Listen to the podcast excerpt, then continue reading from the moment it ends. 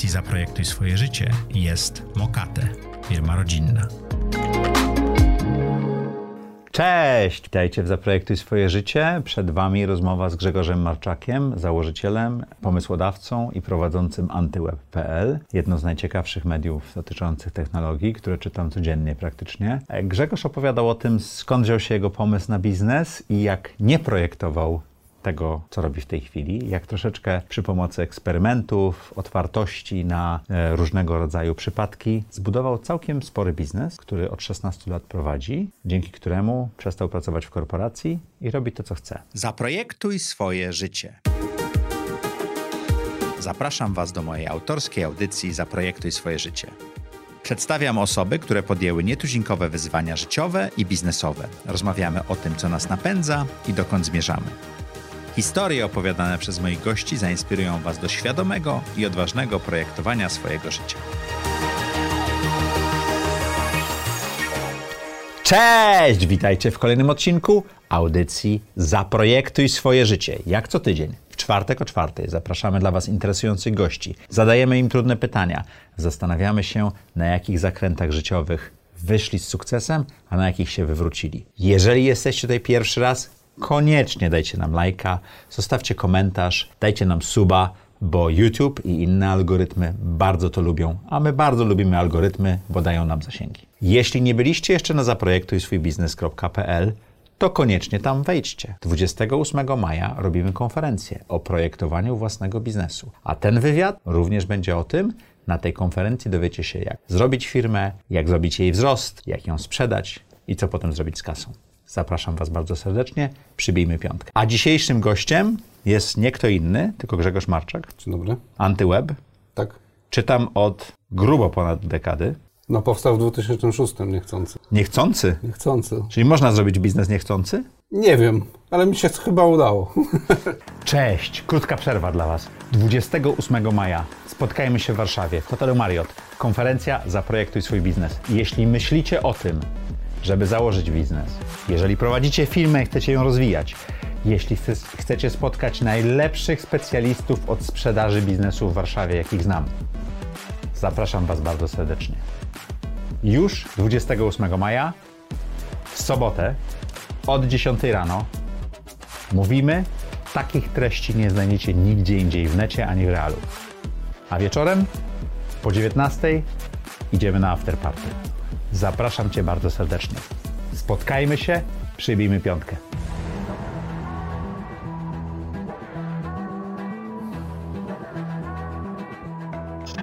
No i zapomniałem Wam powiedzieć najważniejszego. Dupa ze mnie, a nie marketingowiec. Wejdźcie na zaprojektujswójbiznes.pl łamane przez konferencja. Tam przeczytacie oczywiście o prelegentach, o których mówiłem i o czym mamy mówić, ale tam też kupicie bilety. Są trzy rodzaje biletów. Bilet normalny, bilet z afterparty i bilet na kolację VIP. Te bilety są ze zniżką do końca kwietnia. Warto z niej skorzystać. Jeżeli chcecie przybić piątkę na afterparty, zapraszam Was bardzo serdecznie. A jeśli prowadzicie firmę i chcecie poznać naszych prelegentów, porozmawiać o tym, jak budować top team, jak sprzedać firmę, to ten bilet VIP może być właśnie dla Was. Zapraszam Was bardzo serdecznie. To jak to było? Jak wyglądało projektowanie Twojego życia? Ono się samo zaprojektowało tak trochę. Ja pracowałem w korporacji od 97 roku i razem z kolegą obserwowaliśmy sobie trend Web 2.0. Okay. W, w, ogóle dla mnie super, super kolor wszedł w ten internet, super mhm. życia dodał ten trend internetowi. E, I były, była moda na te serwisy właśnie społecznościowe, gdzie ludzie piszą, a właściciel zarabia pieniądze, tak ujmując mhm. to w skrócie, bo tak Coś, co dla nas jest teraz oczywiste, tak. ale wtedy to było rewolucją. Wtedy to było rewolucją. Pamiętam, żeśmy patrzyli, czego jeszcze nie ma w Polsce, a co mhm. mogło być. No i Yahoo Answers znaleźliśmy. Postanowiliśmy, że czemu nie? Jeżeli dziś wszystko praktycznie jeden do jednego przechodzi z, z tych trendów amerykańskich do Polski, to czemu czegoś takiego nie zrobić? Z biegiem okoliczności było, że jeden z frameworków deweloperskich jako wersję demo miał system pytań i odpowiedzi. Mhm. E, mój kolega, e, który e, znał się na programowaniu i technikaliach, więc nam postawił ten framework w tej wersji deweloperskiej. Za 150 zł inny kolega zrobił nam grafikę łącznie z logo. To prawie jak ten służ e, tak. Nike, tak? Tak, no i tak, i to, i to logo było całkiem fajne, bo jeszcze jakieś później Wirtualna Polska kupiła ten serwis, to jeszcze tam to logo przetrwało. No i tak żeśmy wystartowali koło 2006 roku i ja założyłem, znalazłem tanio domenę antyweb.pl i to miało być Pamiętasz, co to było tanio? Y, w cenie takiej domyślnej, czy jak teraz można na przykład za 25 zł kupić domenę, to ona kosztowała 25 zł. I to miał być blog po to, żeby komunikować się ze społecznością serwisu, informować o zmianach. Czyli serwis był tym początkiem, a nie Tak, blog. Absolutnie, Okej. absolutnie. No i potem serwis e, rósł sobie, Interia się z nami zainteresowała, mieliśmy z niej współpracę, a ten blog zauważyłem, że ludzie zaczynają to czytać. Robiłeś to komentować. cały czas pracując. Tak, tak. Jak tak. znajdowałeś na to czas? No po prostu po godzinach, no jakby to i- innego rozwiązania nie ma. To znaczy jak coś się lubi, a to wtedy naprawdę byliśmy za, to na maksa Ale to był nakręceni. biznes? Już wiedzieliście, że robicie biznes? Czy nie, to... skąd na początku nie. Na początku to myśmy w ogóle nie kalkulowali tego, czy to będzie Okej. biznes, jak na tym zarabiać. Stwierdziliśmy, że tak jak w tamtym czasie trzeba freestyle uprawiać, dopóki się nie wymyśli, jak się na tym zarobi. Także tam nie było absolutnie żadnej kalkulacji. No a jedynym modelem biznesowym takim oczywistym była reklama, Mhm. bo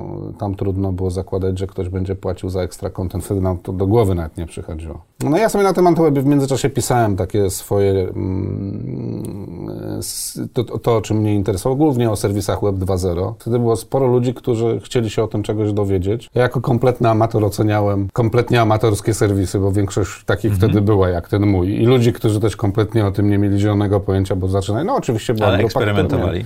tak jest. No i to się chyba ludziom podobało. E, Serwis e, sprzedaliśmy do Wirtualnej Polski, to pytamy.pl. Nie pamiętam, w którym to już dokładnie było roku, a Antyweb ze mną został. Pamiętam taką... A co się stało, że chcieliście sprzedać pytamy.pl? Chcieliśmy zarobić pieniądze.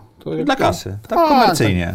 A Znaczy czy ten- pamiętasz, jaka to była suma? Pamiętam, ale chyba nie mogę mówić. Powiem tylko, kilkaset było. Okej, czyli to spowodowało, że miałeś takie uf, ale nie zmieniło Tak, twojego życia. Absolutnie nie. Kupiłem sobie, pamiętam, pierwszy raz jakiś droższy pakiet em, e, sprzętu od Apple'a. Okej. Bo wtedy też miałem jeszcze działalność, więc jakby to się bardziej opłacało, bo ten VAT jakby znikał. Mhm. Bo może nie powinienem tego mówić, ale każdy tak robi. I Ale używałeś go do pracy. a, absolutnie, ale naprawdę używałem go do pracy, bo w pracy miałem komputer na Windowsach, no i tam nic nie można było między tymi komputerami zrobić. No i tak pisałem tego Antoa, pisałem, aż w końcu kiedyś podłączyłem mm, wtyczkę Feedburnera. To był taki e, od Google'a usługa, która po- pozwalała subskrybować RSS-y i dodawała jakąś tam warstwę analityczną. No i pamiętam, jak zobaczyłem, że tam 700 osób ma zasubskrybowanych, to byłem w kompletnym szoku. Czyli 700 osób y, miało na RSS-ie twojego bloga. To nie Tak. tyle, co czytało, tylko ten. Tak, to chyba po roku było. roku czasu. Teraz to nie brzmi, teraz to nie brzmi. No, ale ja w ogóle nie myślałem, znaczy widziałem, że ktoś to czyta, tam są komentarze, Mhm. ale nie, że to jest 700 osób albo 1000 osób. Zresztą trochę nie przykładałem wtedy do tego wagi. Czyli Pisałem, po prostu pisałeś. pisałem sobie for fun. No. Ale przyszedł taki moment, kiedy y, zrobiło się na tyle, nie wiem z jakiego powodu w sumie głośno o tym antywebie, że zaczęli się do mnie pojawiać reklamodawcy. Ja pamiętam, zrobiłem... Cały czas pracowałeś. Tak. Pamiętam, że zrobiłem taki, taką rzecz, która chyba wtedy była niespotykana, bo tak blogerzy jeszcze nie mieli takiej negatywnej opinii, jak mają dzisiaj, czy, czy chociażby 5 lat temu. Ja pierwszy raz postawiłem cennik y, i powiedziałem, jak ktoś chce kupić reklamę, to za tyle, za tyle, za tyle, za tyle. I był taki moment, który... Na stronie. Tak, to, że ta moja, e, moje przychody z, tego, z tych reklam były większe niż pensja w korporacji. Ale miesięcznie czy rocznie? Miesięcznie, miesięcznie. I zdziwiłeś się? No, co byś wiedział. Znaczy, kto by się nie zdziwił, Ale bo... to był ten moment, w którym powiedziałeś Nie, nie, do nie, widzenia? Nie, nie, nie. Znaczy się, ja wiedziałem, że to jest fala, która za chwilę odejdzie, bo tych Okej. blogów pojawi się więcej. Jak ktoś zobaczy, że ta tematyka jest ciekawa, to zacznie sam robić i faktycznie zaraz się pojawiły różne serwisy, blogi technologiczne, bo serwisy były, ale takie bardziej mm, personalne opinie o technologiach. No ale wtedy mi to pokazało, że to może być coś warte, że to nie jest tak, że ja sobie piszę do kieszeni i wtedy pamiętam sobie taki target zrobiłem, że muszę trzy newsy dziennie napisać. Trzy newsy dziennie. Tak. Nie To, wiem, to już czy zaczyna być trudne, nie? tak, było trudne. Pamiętam, wracałem z Krakowa o 19, bo byłem właśnie tam na jakimś wyjeździe służbowym, i, no ale się uparłem, to jakby i, i musiałem to dowieść. Nie? To, to myślę, że to efekt, e, efekt właśnie tej sumienności takiej, że to będzie miejsce, gdzie często jest aktualizacja, spowodował, co może wtedy nie było oczywiste, no że tam ten przyrost tych użytkowników jakiś był widoczny. A później to już jest, no to już jest taka historia rozwoju, czyli pierwsza... To ile miałeś użytkowników po roku, po dwóch, Nie, pamiętasz? nie, nie. Nie, pamiętam. okej. Ja nawet tego chyba nie sprawdzałem, szczerze mówiąc. To skąd pomysł, żeby wziąć pieniądze od inwestora? To w ogóle inwestor do mnie przyszedł, to było ciekawe, bo ja znałem chłopaków z, z Ventures Hub, e, czyli części IQ Partners. I tak żeśmy rozmawiali, rozmawiali i oni powiedzieli, słuchaj, może byśmy zainwestowali. Do, tak od słowa do słowa. Był oczywiście jakiś plan biznesowy, bo musi być pod inwestycje, ale szczerze mówiąc to nie było jakiegoś takiego między nami planu, że za trzy lata wychodzimy półtora miliona zysku, z 700 tysięcy ludzi. Takich ustaleń nie było. Taka... y, towarzysko-biznesowa inwestycja, to było, tak bym to nazwał. A zdecydowałeś się na te pieniądze, żeby się zwolnić? Czy, Nie, czy żeby nie, nie. rozwijać biznes? Czy, Tak, tak. To, by, Żeby że- mieć to bezpieczeństwo, tak? tak, to była, to była okazja. Ja zresztą z Czy nim, to była duża inwestycja? E, to było 400 tysięcy w sumie w dwóch transzach, więc to też nie była inwestycja, która by powiedziała, to ja to rozbuduję, zrobię redakcję 20-osobową. Nie. Zresztą ja, ja z- rozmawiałem z nim, zastrzegałem, że ja, ja pracuję na etacie, więc to będzie takie nadal moje 50% zasobów po godzinach, a te pieniądze pozwolą mi po prostu to, to rozwijać. Taka była moja, moja narracja wtedy. I oni się na to zgodzili. Chyba tak. Trochę nie mieli wyjścia, bo nawet Czy jak mogli nie zainwestować? Mogli, a to były trochę inne czasy. Tam pieniądze z par pulały się wiadrami. Okej, i nie było specjalnie w co inwestować. Tak? E, To raz, a dwa, jak już były takie inwestycje, to naprawdę najmniejszym ryzykiem było to, że te moje 50% w porównaniu do tego, co tam się na rynku wyprawiało i jakie wałki i przekręty były. To nie była ta pierwsza fala najbardziej patologiczna, bo tam już chyba oni musieli e, doinwestowywać razem z, z PARP-em, czyli musieli część dać swoich pieniędzy. O ile dobrze pamiętam, ale nadal to było takie nieprzebrane morze płynącej gotówki i chętni naprawdę mogli ją mieć za, za, za free. Za dobry pomysł. Czyli postanowiłeś wziąć te pieniądze, żeby lepiej rozwijać serwis? Zatrudniłeś wtedy pierwsze osoby? Tak, tak. Zatrudniłem wtedy jednego redaktora, potem drugiego redaktora i potem jeszcze ze trzy osoby. I one pracowały na pełen etat? Czy, tak, czy to tak podobnie jak ty? E, Można tak powiedzieć. Pytanie, czy to jest etat, myśmy się umawiali na jakieś pisanie treści. Ale w sensie, że dedykowali się tylko Tak. do antywebu, o to mi chodziło, tak? Tak, i Grzesiek i Tomek, e, ci pierwsi pracownicy są ze, mną do tej pory. O, Czy w ogóle większość jest, e, rotacja jest niska, bardzo, a przeważnie dotyczy osób, które spróbują i im nie wyjdzie. Czyli raczej w tych pierwszych miesiącach, czy tam pierwszym roku, Tak, tak? jak Okej. już spróbują i im wyjdzie, to, no to jesteśmy z chłopakami po 7-10 lat, także to, to myślę, Ile osób jest w tej chwili w antywebie? Takich naście w Mhm. sumie piszących. Trzon to jest tak około 10 osób, a plus felietoniści zewnętrznie tak można, może do 20 dojdziemy. Natomiast no to nie porównywałbym tego, tej liczby do 20-osobowej redakcji, bo to jest zupełnie co innego. Mhm. Mamy z każdym inny układ. Jedna osoba pisze dla nas 5 tekstów w miesiącu i tak się umawiamy. Jedna trzy, jedna dziesięć, chłopaki po dwa dziennie, więc to jest taki dość duży miks. To jak zaprojektowałeś ten biznes? Nie projektowałem. To za, za, za każdym razem był ekspert. Wszystkiego trzeba było się uczyć. To, czy ty, ty, tych dwóch pierwszych redaktorów, których zatrudniłeś, to wiedziałeś, co będą robili, czy No, tak tekstów potrzebowałem więcej. Nie to więcej kontentu, tak? Tak, to była kompletna partyzantka, umówmy się. Ja też nie chodziłem do, po jakichś spotkaniach, nie szukałem wiedzy od y, ludzi, którzy prowadzą takie spo... Mhm. Tych blogerów było mało.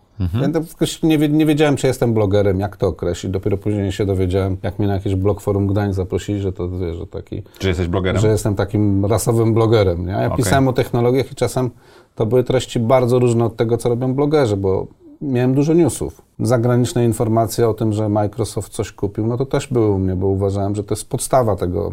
A blogerzy przeważnie pisali jeden tekst na tydzień i to była ich wynurzenia, ich opinia o czymś, a u mnie było taki kompletny miks tego wszystkiego. Potrafiłem napisać od siebie, ale jak trzeba było pisać coś, co się na świecie dzieje ważnego w technologiach, to też o tym pisałem. Czyli byłeś takim agregatorem treści, jak to się teraz mówi No tak, trochę brzydkie określenie. Wielu ludzi się pamiętam czepiało, że. Ale nie automatycznym, nie? Tak, tak, że ty przepisujesz. Zawsze miałem na to jedną odpowiedź. Jeżeli Samsung miałby centralę w Polsce, pewnie mógłby mieć informacje z pierwszej ręki. Gdyby mieliśmy, gdybyśmy mieli tą Dolinę Krzemową w Polsce, pewnie miałbym szansę wiedzieć jako pierwszy o inwestycjach, ale niestety TechCrunch wie pierwszy. Diverge'a wtedy nie było, jakiś tam Engadget i tak dalej. Ale to za, zawsze miałem jakby twardą psychikę do wszystkich komentujących. Jak to robisz? Może dla mnie to jest akurat proste, bo siedzę w tym internecie od jego początku, ale tak Dosłownie pamiętam czasy sprzed internetu i pamiętam czasy, jak ten internet się zaczął i widzę, co się dzieje teraz. To taka lekcja życia, no nie można się przejmować tymi ludźmi. No. To twoje pierwsze połączenie do internetu pamiętasz? E, nie no, oczywiście. To były 0, 20, 21, 22. E, pamiętam. Czyli to był, ale to był już e, World Wide Web, nie? Tak, tak, Okej. tak, tak, tak. Pa- Pamiętam w Diablo Online, żeśmy z chłopakami A, grali i a. przyszedł pierwszy rachunek jakiś e, taki gigantyczny i miałem poważną rozmowę z rodzicami, którzy nie wiedzieli skąd te pieniądze, przecież nie wydzwoniłem, nie wygadałem. A wtedy to jeszcze były takie czasy, że koszt był za jednorazowe połączenie chyba. Mhm. E, Czyli brało się telefon, gadało się z kimś trzy godziny i to był za jeden impuls tylko Tak. koszt, więc nikt nie wiedział skąd te pieniądze się brały. Później musiałem odczarowywać, że to internet i takie rzeczy. Śmieszne były, nie do końca już wszystko pamiętam, jak to było z tym internetem. Pamiętam pierwszą instalację Neostrady w moim domu. To było kurna stały internet, to było takie święto, nie wiem, jak dla wierzących pierwsza komunia. To było, wiesz, otwarcie się na nowe życie zupełnie. Kapitalne, kapitalne. Pamiętam, że siedziałem dniami i, i nocami, nie wierząc, że mam internet taki, wiesz, bezpośrednio. Zawsze jest i nie Zawsze, trzeba telefonu. No i pamiętam pierwsze problemy, bo to było tego sporo. E, grupy dyskusyjne, na których się gadało o tym, dlaczego internet nie trzeba. No kompletnie inny czas, kompletnie. Zbudowałeś firmę, która nie jest małą firmą. O, moje, moim mniemaniu mikroprzedsiębiorcą nadal. Ty jesteś mikroprzedsiębiorcą? Tak. No dobrze. Jesteś mikroprzedsiębiorcą, który żyje z tego, co, co przypadkiem stworzył i wymyślił, tak? Czy pamiętasz swoją największą wpadkę zawodową? Y, Związaną z Antywebem? Jakąkolwiek, ale może być z antywebem. Nie mam na tyle dużych, żeby je po latach pamiętać. Były drobne oskarżenia o plagiat, jakieś głupie utarczki, ale, ale nie, nie miałem jakichś takich specjalnie dużych, dużych wpadek. Tak samo pracując w korporacji, tam oczywiście jakieś fejle były, ale nie, nie, nie pamiętam takiego, na tyle, tak, takich, żeby mi zostało to w głowie. Co się stało z inwestorami twoimi? Oni dalej są twoimi inwestorami? Dwóch już nie, ale mam, e, ciągle współpracuję e, z Maćkiem Chazubskim z kiedyś IQ Partners. E, No i trzymamy się razem, jest nam ze sobą dobrze. Maciek jest super inwestorem, bo zainwestuje i nie przeszkadza. Ale A pomaga? e, tak, spotykamy się regularnie, sobie gadamy przy kawie, także pyta się, co tam słychać, natomiast e, no, no nie projektuje mi tutaj żadnych planów i nie, i nie pomaga, pomaga w niczym siłowo, także układ jest dobry, ma kontakty, także polecam takiego inwestora każdemu, chociaż już chyba nie inwestuje, ale, ale pole, polecam taki, taki typ współpracy i inwestowania. Co dała ci ta współpraca z inwestorami? Bo to było kilka osób w funduszu, prawda? Czy to pomogło? Oprócz pieniędzy cokolwiek innego? Szczerze nie. W moim przypadku akurat to była tak dziwna branża i tak dziwna inwestycja dla nich, że, Że nie mieli wiedzy. Starali się wymyślać coś, ale to nie były pomysły, które szczerze mówiąc ja realizowałem. Więc generalnie nie. Czy teraz patrząc z perspektywy czasu, e, wziąłbyś te pieniądze od inwestorów, e, które dały ci w pewnym sensie poczucie bezpieczeństwa, czy inaczej byś do tego podszedł?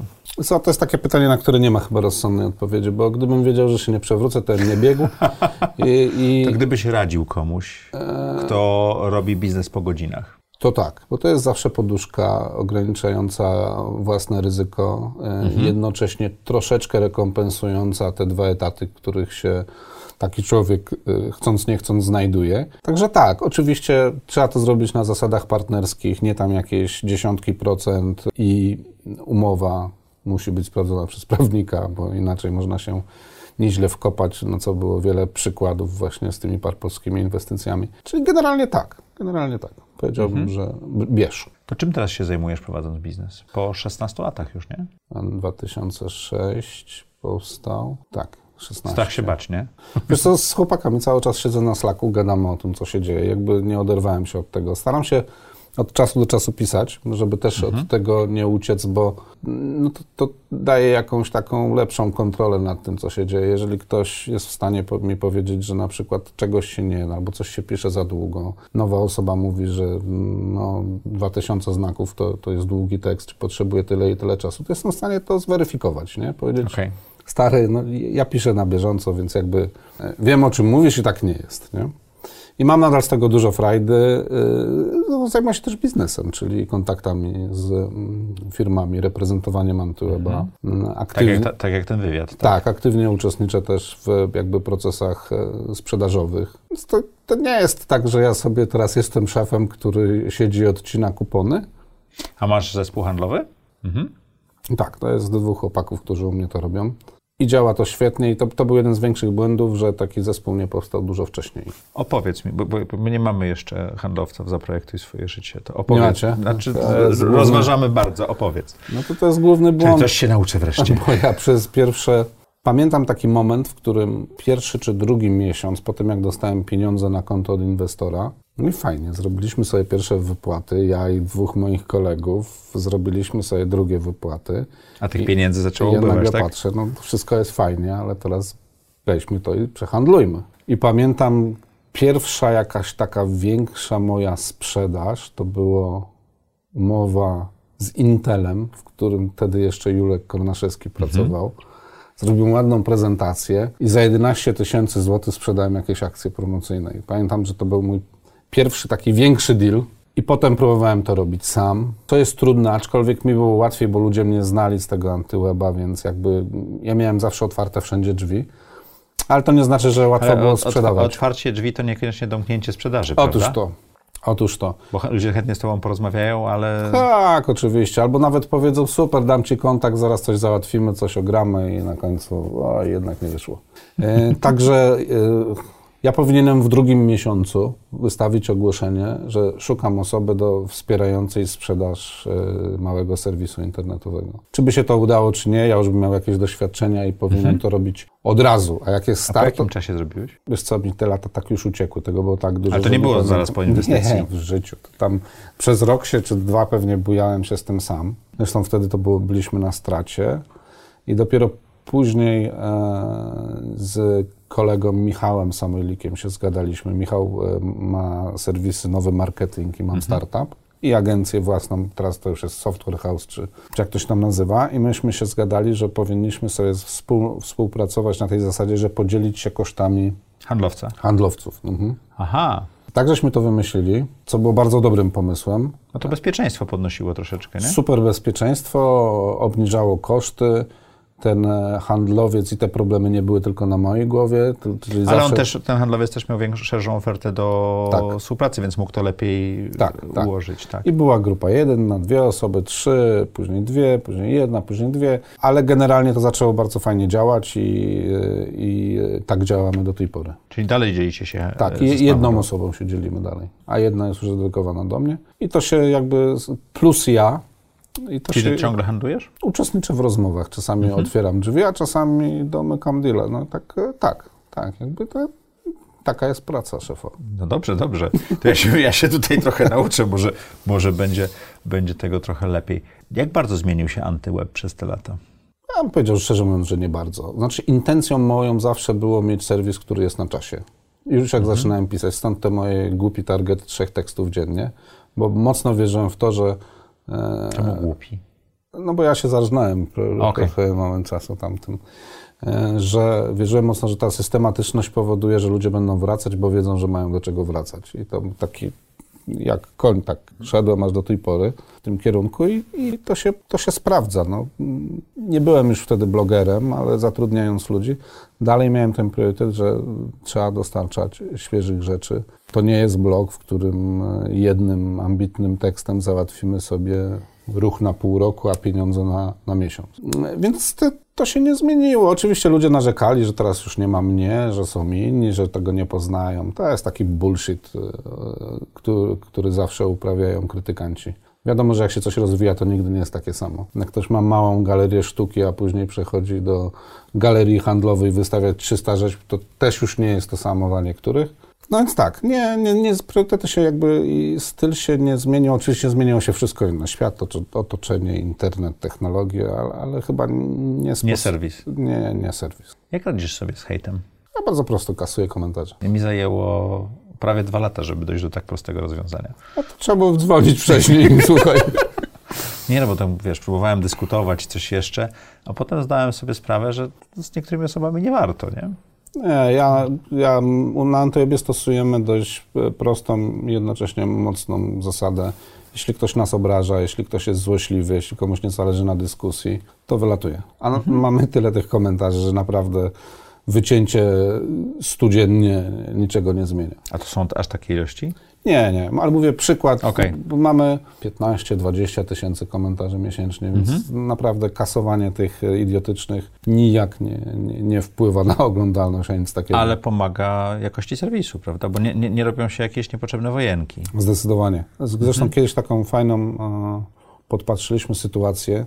Tekst tu trzeba pilnować zaraz po publikacji, bo pierwszy komentarz narzuca ton następnym. I to, I to działa w 100% zawsze. Jeżeli pierwszy będzie krytyczny, to potem... Następne będą krytyczne. Jeżeli będzie pozytywny, następne są pozytywne, a my musimy dbać o to, żeby pierwszy był chociażby krytyczny, ale merytoryczny, a nie... Znaczy nie, nie masz problemu, żeby on był negatywny czy pozytywny.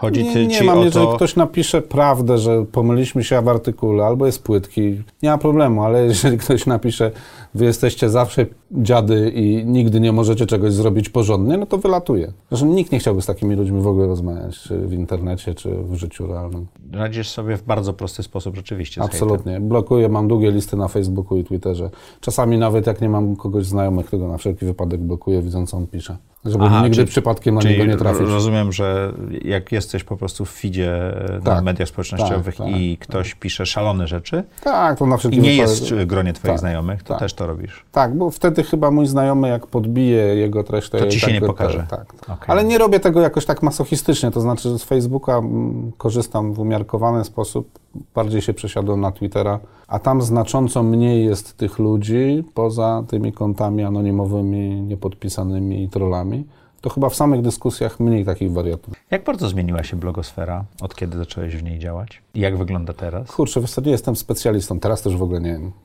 co to znaczy blogosfera. Czyli zacząłeś się skupiać na swoim serwisie tak, i tak. to prowadzisz, tak? Tak, nie, nie jestem specjalistą blogosfery. Wiem, że w pewnym momencie została taka narzucona narracja o sprzedajnych blogerach i, i szczerze mówiąc trochę ci blogerzy nie, nie mieli jaj, żeby się przed tym bronić. Znaczy, albo, trzeba żyć. Tam, tak, albo ta obrona była taka dość pasywna. Ja przepadam za agresywną na przykład, czyli jakby, żeby wychodząc z obrony komuś jeszcze przywalić przy okazji. A to, dlaczego tak? No, no tak czy w internecie musi się coś dziać, nie? I bloger, jeżeli mm, bloger ma być charakterystyczny, czytany przez ludzi, ma wzbudzać jakieś emocje, to nagle przy jakimś większym problemie nie może od razu stać się pasywnym, przyjmować ciosy i potem nic z tym nie robić Proszę, dalej. bo ja się tutaj dużo uczę, czyli to, że ukrywam swój charakter e, pieniacza, to jest złą rzeczą. No jako bloger nie powinieneś. No ja nie jestem blogerem, ja bardziej prowadzę e, audycję. no to powinieneś. Ja mówię o blogerach, którzy są okay. emocjonalni, którzy... No i tam w pewnym momencie ta łatka taka jakby troszkę po, pozamiatała e, tą blogosferę, przynajmniej w opinii ogółu. Ale ci dobrzy blogerzy myślę, że przetrwają, teraz sobie rozwijają biznesy i, i robią różne ciekawe rzeczy, ale absolutnie nie jestem w stanie powiedzieć, kto jest To teraz. ty jesteś blogerem czy właścicielem firmy medialnej? Ja jestem byłym blogerem, który jest mikroprzedsiębiorcą i właścicielem firmy. To ile zarabia właściciel firmy medialnej jako mikroprzedsiębiorca? Słuchaj, powiem Ci taką ciekawostkę, jak rozstawałem się z korporacją i wypłaciłem sobie pierwszą pensję, już w mojej własnej firmie, to była ona czterokrotnie mniejsza. Niż w korporacji? Tak. To normalne, a teraz jest ile razy większa? E, niż w korporacji? Wiesz co, w przypadku biznesu pensja trochę nie ma znaczenia. No to, bo jest dywidenda, bo są inne rzeczy. Tak jest, no. Więc jak sobie te pieniądze wypłacisz, to już tak trochę... Ale zarabiasz ile razy więcej niż zarabiałbyś, czy zarabiałeś na swoim ostatnim etacie u kogoś? Poczekaj. Mm, dziesięciokrotnie. Ile czasu zajęło ci dojście do tego? Bo z jednej czwartej do 10 razy to jest. Znaczy już po, policzyłem razem z dywidendami. Tak, no. tak, ja rozumiem. No, rocznie, rocznie to, co trafia do, do portfela, tak? No to 16 lat. No, nie, nie był gigantyczny skok na kasę. Czyli to raczej było coś, co z każdym rokiem się e, rosło i polepszało, tak? Tak, tak, tak. tak. A czy były jakieś takie okresy e, typu pandemia, czy coś takiego, że to totalnie wpłynęło na wyniki, czy nie? Tak. Czy pozytywnie, czy negatywnie? Plus 40% chyba, pamiętam, przychody. Wow! Hmm? Bo? Bo to był jedyny kanał, gdzie można było z, z tymi klientami, którzy, którym właśnie zamknęli sklepy i wszystko inne. I siedzieli w domu. Tak, i siedzieli w domu i oglądali internet. Także y, no, przykry czas jako taki, ale jeśli chodzi o online, zresztą zauważyłem w każdym biznesie, który raportował wyniki, to były znaczące wzrosty w przychodach. No. Mhm. A jak sobie z tym poradziliście? Było wariatkowo, szczególnie koniec roku, kiedy są wszystkie budżety spływają nagle. A czy ty też, te, też to odczuwasz, że nagle w grudniu jest e, Absolutnie. bardzo duża chęć na wydanie pieniędzy, tak? Tak, oczywiście. No Okej. jakby te zasady, że jak zostaje jeszcze trochę budżetu, to lepiej wydać niż... Nie zmieniła No, się. no, no, nie, nie, nie. Ale to, to jest zrozumiałe. No. No, I dla mnie jak najbardziej okej, tylko że ta kumulacja listopadowo-grudniowa, no to jest taka jazda bez trzymanki. Ja to odczułem pierwszy raz w zeszłym roku i byłem zaskoczony, bo w pewnym sensie zaczęliśmy monetyzować, bo zrobiliśmy w grudniu obrót poprzedniego roku. Tak. Znaczy, faktury wystawione, niekoniecznie Mhm. zapłacone w grudniu, były o 4000 zł mniejsze niż faktury wystawione w 2020 roku w sumie, co było dla mnie szokiem. No. Rozumiem, że to tak przyzwyczajać się. Tak. Jeżeli, te, je, jeżeli nie dacie ciała w żadnym innym aspekcie i biznes będzie się rozwijał, to tendencja będzie się Ostatnio utrzymywać. słyszałem od naszych fanów, którzy są na społeczności Zaprojektuj swój biznes, że za, za, za miękki jestem, muszę trudniejsze pytania zadawać gościom. Więc jesteś pierwszą osobą, na której będę to próbował. Dobra, no nie byłem uprzedzony, ale spoko, biorę na klatę. Słuchaj. Gdybyś rozmawiał e, z osobami, które siedzą w tej chwili w firmach, pracują dla kogoś, robią ekscytujące rzeczy. Zresztą chyba pracownikom jest teraz łatwiej niż 16 lat temu, bo ich jest mniej, trudniej, więc są bardziej zadbani. Patrząc z perspektywy twojej drogi, co byś radził? Ale takim, co chcą rozwijać własne przedsiębiorstwo? Chociażby. Albo te, wiesz, ja, ja, ja też wiem, że wiele osób chce, bo ja pamiętam, że też chciałem, Mhm. ja to zrobiłem, a wiele osób, które ze mną chciało, ciągle jest w firmach. Więc jak spowodować, żeby nabrać. O, to jest lepsze pytanie. Jak spowodować, żeby nabrać więcej odwagi na robienie czegoś na swoim? Wiedząc, że pierwsza pensja będzie 75% niższa albo jeszcze bardziej, tak? Pierwsze też się trzeba zastanowić, czy się chce to robić, bo naprawdę ten kult złej korporacji, ja jestem pierwszym, który mówi, tak wcale nie Mhm. jest. Praca w korpo jest fajna. Jak ktoś chce, to naprawdę uczy się rzeczy, których większość śmiertelników nie ma pojęcia. I może się- robić niesamowite projekty, tak, których w, małe, w małej firmie i nie może będzie... się super rozwijać. I teraz Mhm. trzeba by sobie położyć na szali to versus to, że zaczniemy szyć od podstaw jakiś e, serwis, stronę internetową czy usługę, która może się nie wywalić, która nie przyniesie nam doświadczenia, która spowoduje kryzys. No ja bym to dobrze rozważył, zanim bym się podejmował, będąc fajnym, fajnej pracy na fajnym etacie z fajną pensją, żeby się brać za bycie przedsiębiorcą, bo nie każdy musi być przedsiębiorcą. To nie jest... Ja pamiętam te czasy, te mody na te startupy, że wszyscy mówią bycie przedsiębiorcą, bycie przedsiębiorcą. Litości, no nie tylko przedsiębiorcy są w Polsce, oni nie są ani najważniejsi. Powiedziałbym, że nie wszyscy są najbystrzejsi. E, Nie wszystkich sukces wynika z tego, że, e, że byli super inteligentni, tylko z tego, że mieli szczęście, fart i coś w życiu kiedyś im się udało. Nie każdy musi być, ale jak już ktoś chce, to ja bym budował poduszkę finansową. Przed rozpoczęciem. Tak jest, najpierw bym zadbał o siebie, żeby w razie wypadku y, to upadek nie był bolesny. Bo nie każdy biznes wyjdzie. No, a większość nie wychodzi pewnie, Mhm. nie? Z tych takich e, startup science fiction, bo pewnie jak dziś ktoś by otworzył 17 firmę kurierską, to ma większe szanse zrobienia pieniędzy niż ten, który tam mówi o AI i sztucznej inteligencji. No więc tak, ale nie jestem zbyt dobrym, to Kurasiński tutaj pewnie jak był to opowiadał ludziom, bo ja zrobiłem w życiu dwa mikrobiznesy. Jeden sprzedałem, drugi jeszcze nie, A, drugi cię utrzymuje. drugi mnie utrzymuje, więc jakby I całkiem chyba nieźle. nie narzekam, więc nie będę ladził ludziom, bo, bo też nie wiem. Ja dziś nie wiem, jak wygląda ta, e, te startupowe projektowanie życia i czy łatwo jest o pieniądze. Chyba tak, czy trudniej. A z perspektywy czasu, co było najtrudniejsze dla ciebie w tym przełączeniu się? Przełączeniu z czego na to? Z pracy dla kogoś na pracę dla siebie.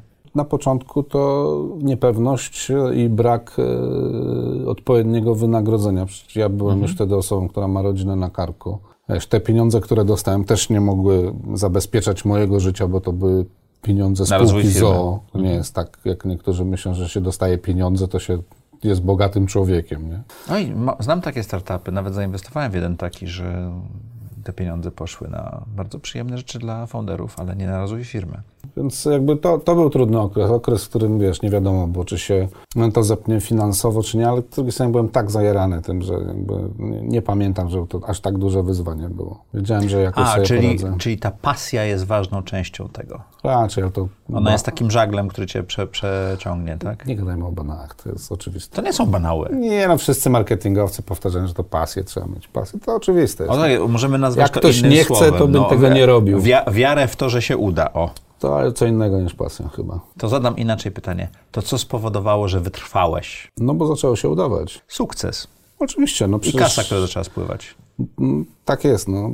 Przecież, znaczy, może są ludzie, którzy, którym się nie udaje, dalej robią to samo od 10 lat, ale to logiczne jest, że jak się udaje, to trzeba ciągnąć. Jak się nie udaje, to trzeba się zastanowić nad sobą i zmienić branżę. Sorry, ja tak prosto myślę, bo ja jestem prostym człowiekiem, czasami bardzo zero-jedynkowym. Nie, nie, nie, Grzegorz, ale ja... Bo to są takie pytania dla mnie, nie wiem, żebym cię nie, chcę, nie chcę cię obrać, ale takie, Miało być trudne, wyszły, nie, wyszły do dupy, tak? takie oczywiste, nie? No, jak Tutaj- się udaje, to się ciągnie. No. Grzegorz, to jest oczywiste dla ciebie, Mhm. bo od 16 lat prowadzisz firmę. Ja od 7 lat jestem na swoim. To też jest dla mnie dość, może nie oczywiste, Oczywiste. ale zrozumiałe. Dobra.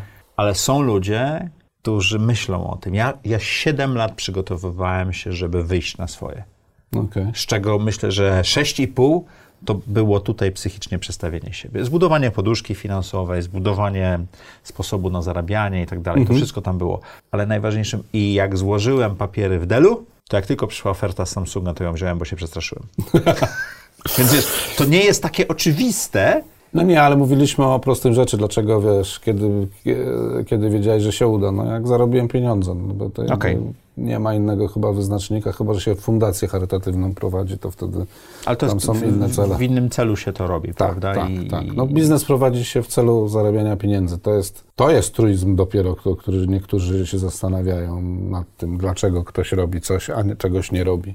Ja mam takie ataki w stylu za dużo reklam, nie? E, Tak? No oczywiście, albo za, że, że wy to piszecie artykuły sponsorowane, nie? Ale to są dzieci w internecie, one jeszcze jest takie dla mnie korwinowe pokolenie, takie buntu, Mhm. że my wiemy już wszystko, że już wszystko rozumiemy i zaczynają komentować dorosłym ludziom e, i mówić, jak powinni zarabiać, na czym powinni zarabiać, czego nie powinni robić. Jest wiele komentarzy na Twitterze odnośnie piłkarzy na przykład, tego, co powinni zrobić, jak powinni się wypowiadać. O, osób, które nie grają w piłkę. Tak, tak Ale są tak. fanami. I nigdy w życiu nie zrobił takich pieniędzy jak ten e, piłkarz, nie? Ale Ty masz duży dystans do tego wszystkiego, co się mówi w, internecie. no co mam z tym robić? Przejmować się? No, Ja tu się przejmuję, wiesz, jak żona zachoruje, albo syn dostanie w szkole złą ocenę, chociaż już teraz to, To już- chłopy tak wielkie, że... że już jest bardziej ich problem niż tak, twój, tak? O, nareszcie. Nareszcie jest to ich problem. To czym się przejmujesz w biznesie? W biznesie nie lubię, jak ktoś nas krytykuje, jeśli chodzi o jakość, ale w kontaktach biznesowych, czyli nie dowieziemy czegoś e, na takim poziomie, Czyli na jakim powinniśmy. tego, jak powinniście pracować vis-a-vis rzeczywistość. Tak, tak, tak. A to się zdarza? E, Pewnie, że się zdarza. No, to czysto Co wtedy z tym robisz? No nic, po- poprawiamy się, przepraszamy, mówimy, że to nie w naszym stylu, e, nie miał być taki efekt i, i robimy od nowa albo dajemy bonus klientowi. I tyle, jakby wiesz, przy tak dużych ilościach różnych akcji, w jakich jesteśmy zaangażowani, to no, wszystko się zdarza. Ile macie klientów? No nie liczyłem, Okej. szczerze mówiąc, ale Powiedziałeś o pierwszej fakturze, takiej większej. Mhm. A kto był takim klientem pierwszym, który na długi czas się z wami związał, którego być może masz do dzisiaj? pomnę sobie, bo wiesz, kiedyś długi okres czasu to był, długi okres to były dwa miesiące, nie? a dzisiaj to jest rok. I to są zupełnie chyba inne firmy, aczkolwiek powiem, że No myśmy podpisali właśnie pierwszą współpracę na rok i byłem zaszokowany. a to jest bardzo fajne. Na, na, nagle czujesz się um, validated, jak to jest piękne polskie słowo, tak? Zweryfikowany. Zweryfikowany, tak? Przez rynek. Tak, i to jest super. Te, to znowu buduje taką poduszkę, że już musisz jeszcze tylko tyle zarobić, żeby zrównać się z kosztami. Jeszcze tylko tyle i już masz, już jesteś na plusie, więc te długie współprace. Powiem tak, y, firmy, które z nami współpracowały na początku, współpracują z nami nadal. Nie zdarzyła się w historii firma, która, no dobra, była jedna, która się obraziła. I to zupełnie nie za biznesowe rzeczy, nie? To było najzabawniejsze. To się Citroen albo Renault za to, że wyśmiałem ich kampanię na YouTubie, która była nieoznaczona. I popali nam to potrafiła w oczy podczas spotkania powiedzieć, że dlatego to jakby nie jesteśmy fajni. Nie? Tak. Selawi. Tak, tak, ale tak naprawdę to nie, nie zdarzyło się chyba, żebyśmy z klientem mieli jakiś taki problem i on powiedział, a to już nigdy w życiu więcej. Nie? Prowadzisz mikroprzedsiębiorstwo? Tak. Sprzedałeś jedną firmę? Tak. Co chcesz zrobić z tą? Jak duży chcesz być? Nie mam parcia na to, jak chcę być duży, mam parcie na to, żeby pewnie zarabiać więcej pieniędzy, a to wbrew pozorom jedno z drugim niekoniecznie musi iść w parze, bo okay. mogę zarabiać większe pieniądze niż nie jeden dużo większy serwis. Bo nie ładujesz y, dużo w... Tak, to liczy się też, liczą się też inne rzeczy, tam ekipa, marka, to w jaki sposób piszemy o niektórych rzeczach, to, że niektórych rzeczy nie dotykamy. Na przykład? No, ludzie coraz częściej przychodzą do nas i mówią, że cieszymy się, że u was jeszcze nie ma polityki, że u nas nie ma wojny i nie łapiecie każdego tematu, który tylko podbija wyświetlenia, nie? I te mocno technologiczne marki chcą być w mocno technologicznych miejscach, e, a nie w miejscach o wszystkim. Mhm. E, poza tym nas znają. Mamy fajną markę w internecie, taką myślę, że takiego, wiesz, e, bezkompromisowego często miejsca, gdzie można przeczytać i ostrą opinię, i pochlebną opinię, i, i, to myślę nas trzyma na takim pułapie, że możemy sobie fajnie te pieniądze zarabiać i myślę, że będziemy zarabiać więcej. A co do projektów, oczywiście mamy jakieś tam, każdy ma jakieś tam mhm. w roku przynajmniej dwa, trzy takie grubsze rzeczy. A ile z nich się udaje? Jeden. Czyli jak robisz dwa, trzy, to... to... A, to się jeden uda. To jest klasyka jakby, wiesz. To jeśli chodzi o tą, to, to... o tą klątwę projektów IT czy podobnych, to ona jest chyba wszędzie, wszędzie ja, uf, w innych uf, my, my jesteśmy na trzecim projekcie w tym roku, ale już jeden pogrzebaliśmy, a drugi tak próbuje nad tą wodę wyjść, nie? Tak, no to tak. Znaczy też parę, parę takich poumierało mi, bo albo nie miałem do tego serca, albo się okazało, że się okoliczności zmieniły. Także tak, ale korowa działalność to jest serwis o technologiach i, i tego się jakby będę trzymał. Nie widzę specjalnie zagrożeń, żeby w najbliższych latach coś tu miało się zadziać takiego, żeby ten e, biznes nie był, był, był jakoś zagrożony. Oprócz takich jak wojna. tutaj to zmieni wszystko. To, to, zmieni wszystko i niestety nie mamy na to wpływu. Tak. Jak dużo pracujesz? To jest dobre pytanie, bo jak siedzę teraz w domu, to syn mówi, że ja ciągle gram w gry. Czy to jest praca?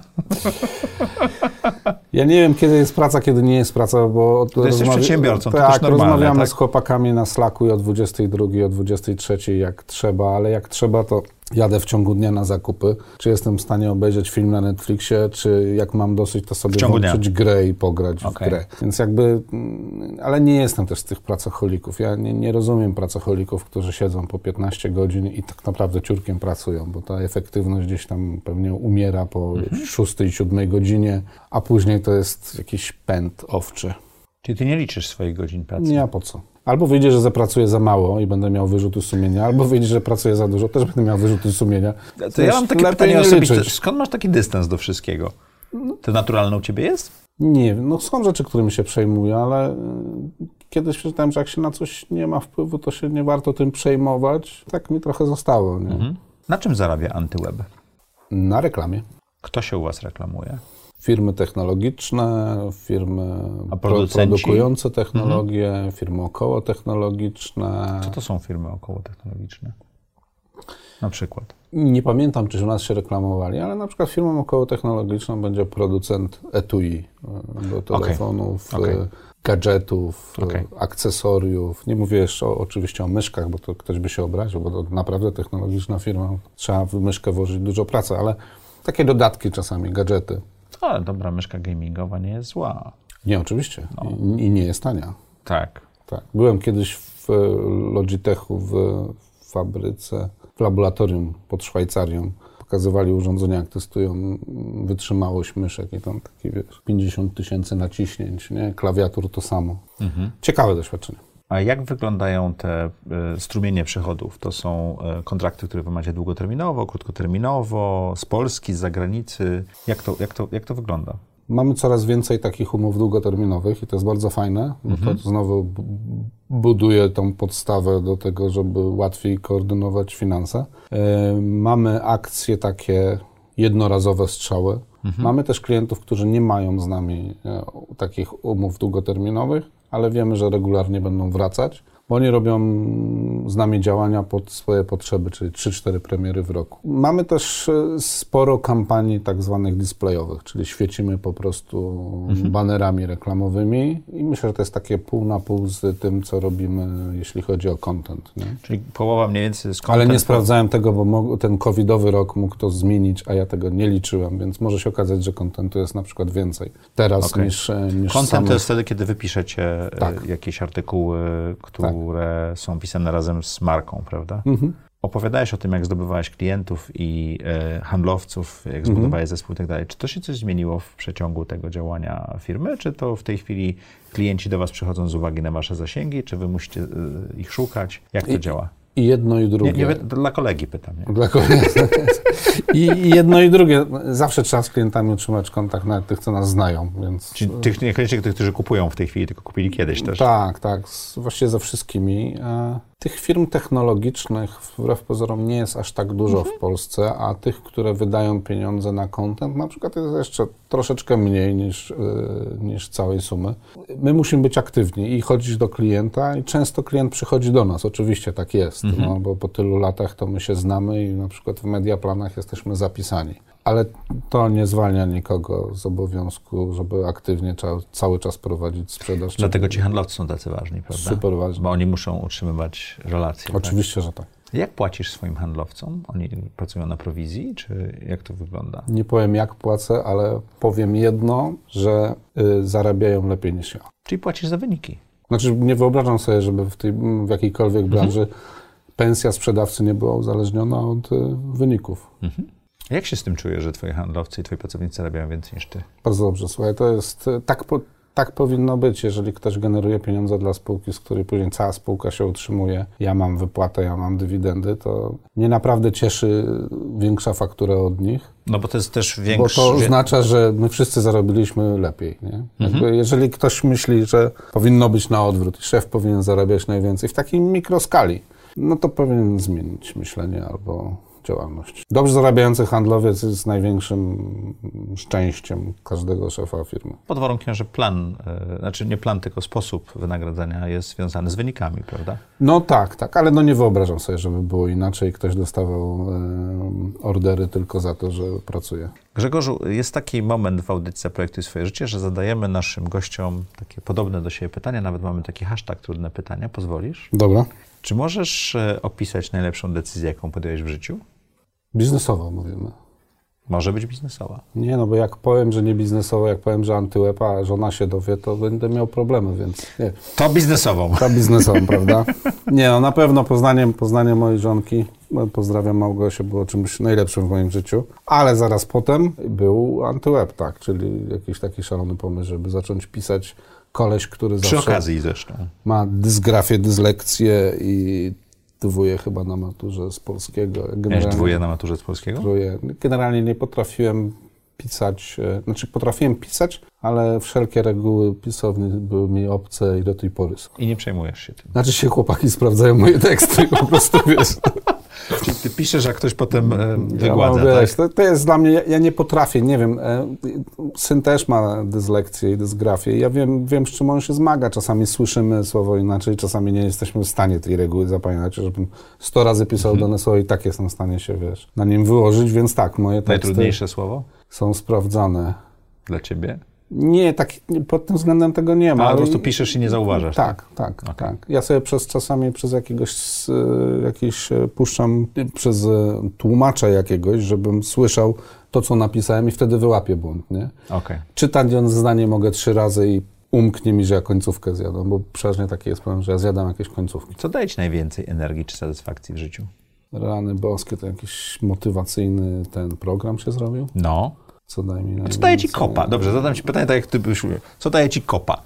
Nie mam czegoś takiego, że mm, nie wiem, jak jest e, słońce świeci, to ja, znaczy to mam wtedy kopa, ale nie mam takiej jasno określonej rzeczy, że co, co, co daje mi kopa. Że spokojność rodziny. Taka, wiesz, e, to, że wszyscy są Spokojność, przewidywalność? Spokój w rodzinie. Spokój w rodzinie. Tak, tak. To jest chyba taka... ważne, bo masz taką podstawę wtedy, nie? No właśnie, no. Ale nie mam takich rzeczy, które mnie kopią i ja od razu lecę i coś robię.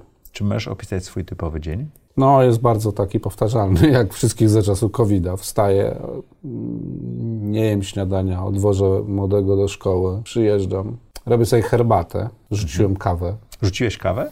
Znaczy tak samo się zdarzyło, nie wiem dlaczego, piję cały czas kawę, ale kiedyś kawa była podstawą mojego dnia, dziś jest to herbata. Siadam, odpalam slaka, patrzę co się dzieje, Mm, siedzę tak do 14, później zjadamy z żonką, która też pracuje zdalnie, obiad. Taka, zro- kiedyś tego nie było w ogóle, teraz to jest taka rutyna. Rytuał? Tak, taki rytuał. I później siedzę tak do 17, 18 przy komputerze, czasem do 19, a potem kolacja z żoną, jakiś film, winko i tak dzień jak co dzień. A mówię, że czasami wieczorami pracujesz, ale rozumiem, że to są raczej wyjątki, prawda? No tak, jak siedzimy i coś trzeba. Tak, nie, to nie jest tak, że ja tam siedzę i specjalnie o 20. Jak coś się dzieje, tak? Tak, jak trzeba, to trzeba, no. Czy jest coś, co mógłbyś przestać teraz robić, co poprawiłoby twoje samopoczucie? Pewnie palić mógłbym przestać. To na pewno bym poprawiło samopoczucie i powinienem pójść na siłownię. Czyli przestać nie ćwiczyć bym mógł na przykład. Czego nauczyła cię pandemia? No to faktycznie jest trudne. Przestraszyłem się jeszcze w pewnym momencie, więc yy, pokazała mi, że jest coś niekontrolowanego, co może wpłynąć na nasze życie, absolutnie je wywrócić do góry nogami. Więc tak, ja nawet taki tekst na Antepie napisałem, że my jesteśmy jako społeczeństwo idiotami, bo inwestujemy we, we wszystko, co jest możliwe naokoło, a, a potem się okazuje, że prosta rzecz nas zamiata jako, jako cywilizację i to zamiata na razie w bardzo delikatny sposób, ale jestem w stanie sobie wyobrazić, Nagrywamy to w piątym tygodniu wojny na, na Ukrainie i tam zamiata już w nieprosty sposób, Tak. bardzo brutalny sposób Tak, też, tak. nie? tak, także no, to mi ten ko- COVID otworzył oczy na zdrowie. Ja tam się w pewnym momencie, szczerze jeszcze jak e, kolega z innego serwisu, ciężko przeszedł covid chłop jak byk, no to się przestraszyłem.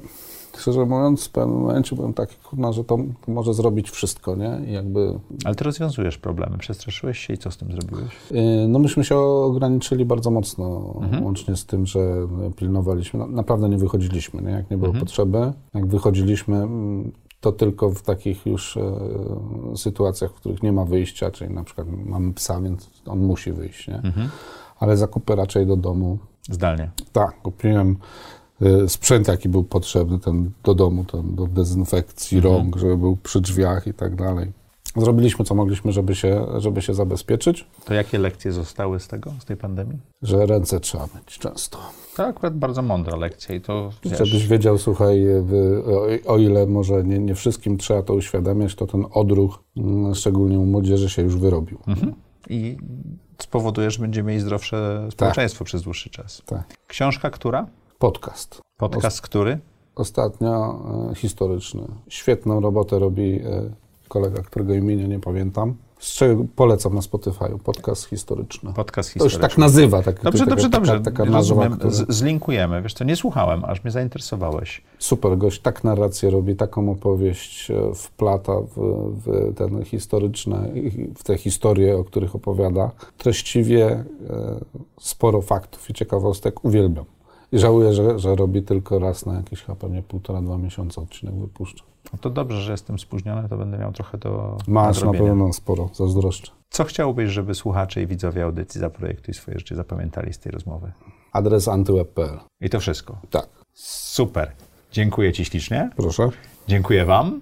Jak co tydzień zapraszamy do audycji Zaprojektuj swoje życie w czwartek o czwartej, a codziennie antyweb.pl.